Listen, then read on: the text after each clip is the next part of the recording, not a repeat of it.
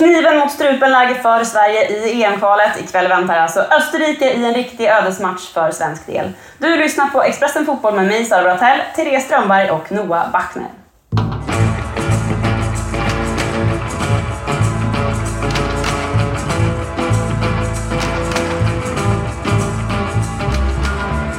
Ja, vi landade ju här i Wien tidigt igår morse och det första vi slogs av det var ju den här otroligt klibbiga värmen.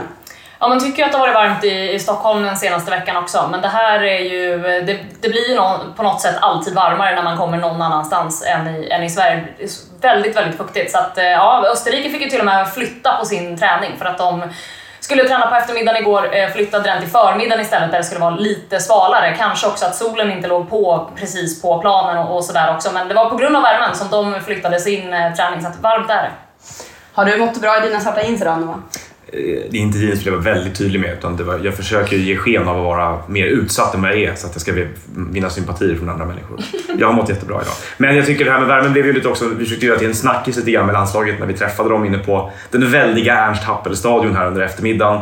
Det var ju ingenting som riktigt flög. De slog ifrån sig det ganska mycket och tyckte att det var ingenting märkvärdigt och det kommer vara 24-25 grader och skugga imorgon kväll. Så att det verkar inte vara en faktor som de själva väger in i någon förberedelsearbete alls. Liksom. Eh, precis, men vi var ju i, förbi Ernst Happelstadion då för presskonferensen och vi landar där först. Eh, vi besökte Österrike allra, allra först. Eh, vad tar vi med oss från den?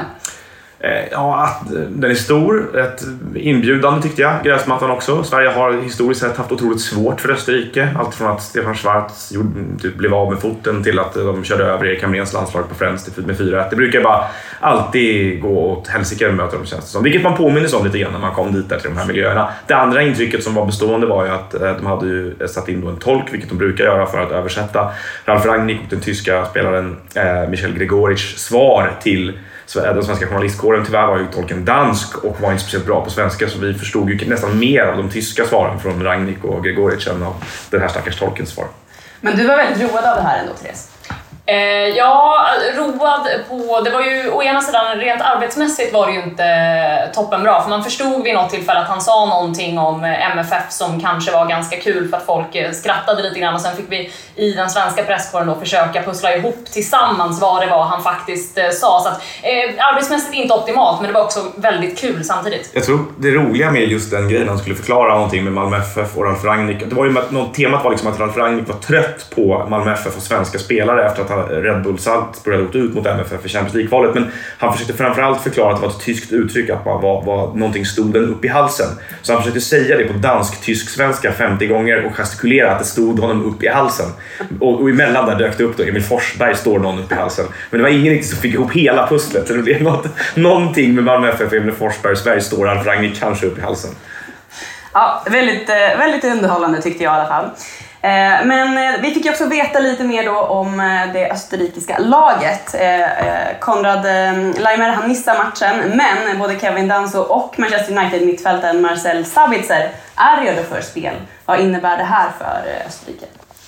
Ja men det är förstärkningar, helt klart. Eh, eh, Limer var ju inte med i senaste matchen heller så det var inte jätteförvånande att han inte kan spela den här matchen. Men framförallt att eh, Sabitzer kommer in, som ju har haft skadeproblem under, under våren, men kommer in och kan spela den här matchen. Han hoppade in mot, mot Belgien, den matchen som de fick med sig en poäng ifrån i, i helgen som var. Eh, det är ju väldigt bra nyheter för Österrike, sämre nyheter för Sverige. Mm. Ja, men kvällens match mot Österrike är ju extremt viktig i det här EM-kvalet eh, trots att det bara är den tredje matchen. Eh, en förlust skulle innebära att Sverige skulle vara sju poäng bakom Österrike och eh, mest troligt fyra poäng bakom Belgien som då möter Estland ikväll. Eh, och Noah, jag vet att du spontant inte har, hyser så stora förhoppningar för Sverige. Nej, det var milt uttryckt. Nej, men, eh, och grejen är ju då att Belgien också har spöat oss borta redan. Så att, ja. Eh, då ska man åka och vända det resultatet och dessutom ta in mer. Ja, jag tror alla fattar matematiken. Att Jan Andersson försökte slå ifrån sig det här lite grann på presskonferensen och prata om att det är absolut inget avgörande och ingen ödesmatch och det är massa matcher kvar efter det här. Men alla som kan räkna förstår ju att det här är jätteviktigt och, och det är avgörande. Eh, men det, det, man kan säga, varför jag är pessimistisk inför matchen är ju för att den österrikiska elvan spelar på bra mycket högre nivå rent generellt än vad den svenska gör. Vi har väl eh, en eller ett par spelare med spets som man kan tycka mäter sig med deras spetsspelare. Kulusevski, Isak, kanske Emil Forsberg, Lindelöf spelar liksom på en nivå som skulle kunna... Men där bakom är det väl så att man tycker att de har spelare som är i både en ålder och på en prestationsnivå och får speltid i ligor som gör att de har både bredd och, och liksom, eh, en kvalitet rakt genom laget som gör... Och sen såg jag dem spela mot Belgien och det är ett bra landslag så att, eh, med en skicklig förbundskapten tror jag. Välkommen till Coolbet där spänningen aldrig tar slut och underhållningen står i centrum. Här får du inte bara Sveriges bästa fotbollsodds, du får också en spel...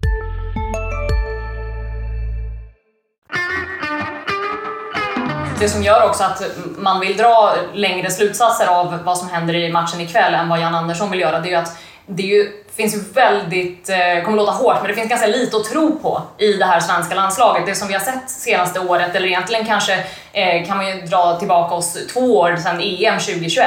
Eh, det, det, är ju inte jättemycket som bådar gott och det är inte jättemycket som liksom andas tillförsikt på något sätt i, i det här svenska landslaget.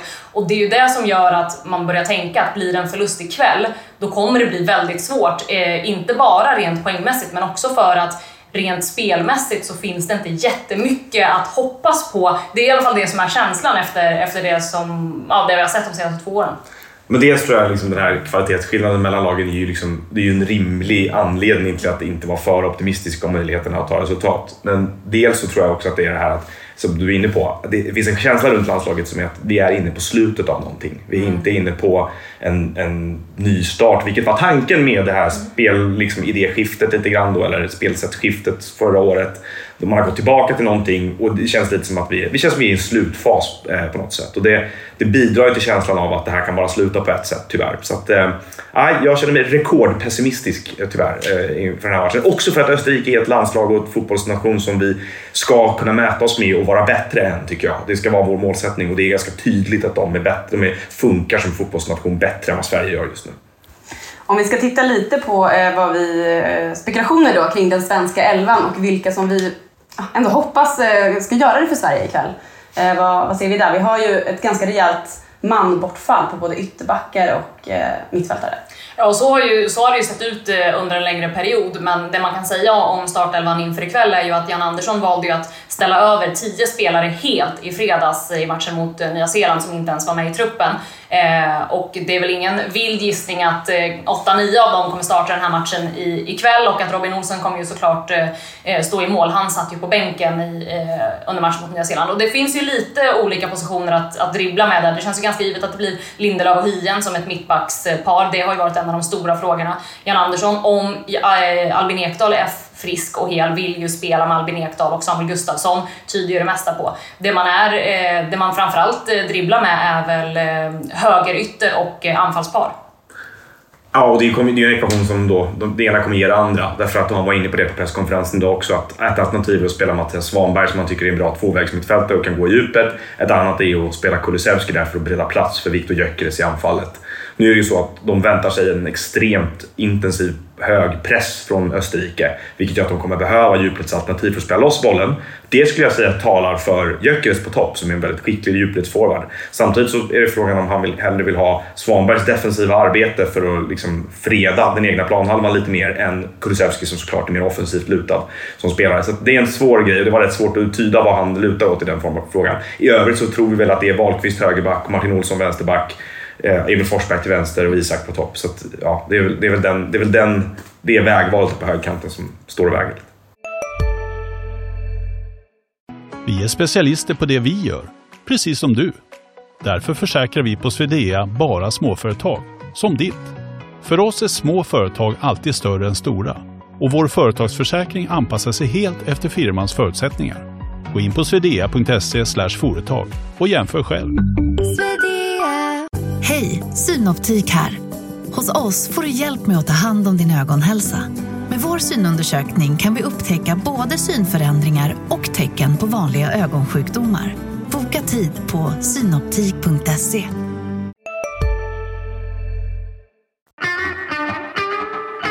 Och eh, det väntas alltså bli eh, uppemot 32 grader här i Wien idag. Inte så mycket vind heller, så att vi har en eh, god varm match att se fram emot.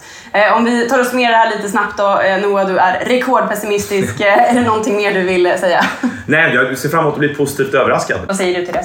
Ja, men dels, man blir ju återigen lite orolig för att det, det laget som han i huvudsak har eh, liksom, Eh, slagit alla odds med. Det är ju inte det laget han har idag. Det är ju helt andra spelare idag så att eh, det, det, är ju svårare för honom idag att göra de där eh, sakerna än vad det var tidigare. Det är ju tydligt och det kan man ju bara konstatera. Men, eh, men vi får hoppas som sagt att både jag och Noah som är extremt pessimistiska blir eh, positivt överraskade. Som sagt, det vore ju otroligt eh, välkommet med en, eh, med en svensk seger för det känns som att det var länge sedan även om det inte var så himla länge sedan.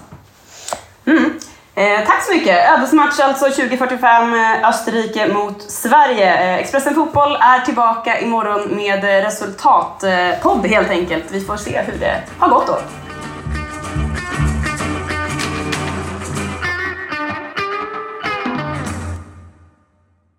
Du har lyssnat på en podcast från Expressen. Ansvarig utgivare Klas Granström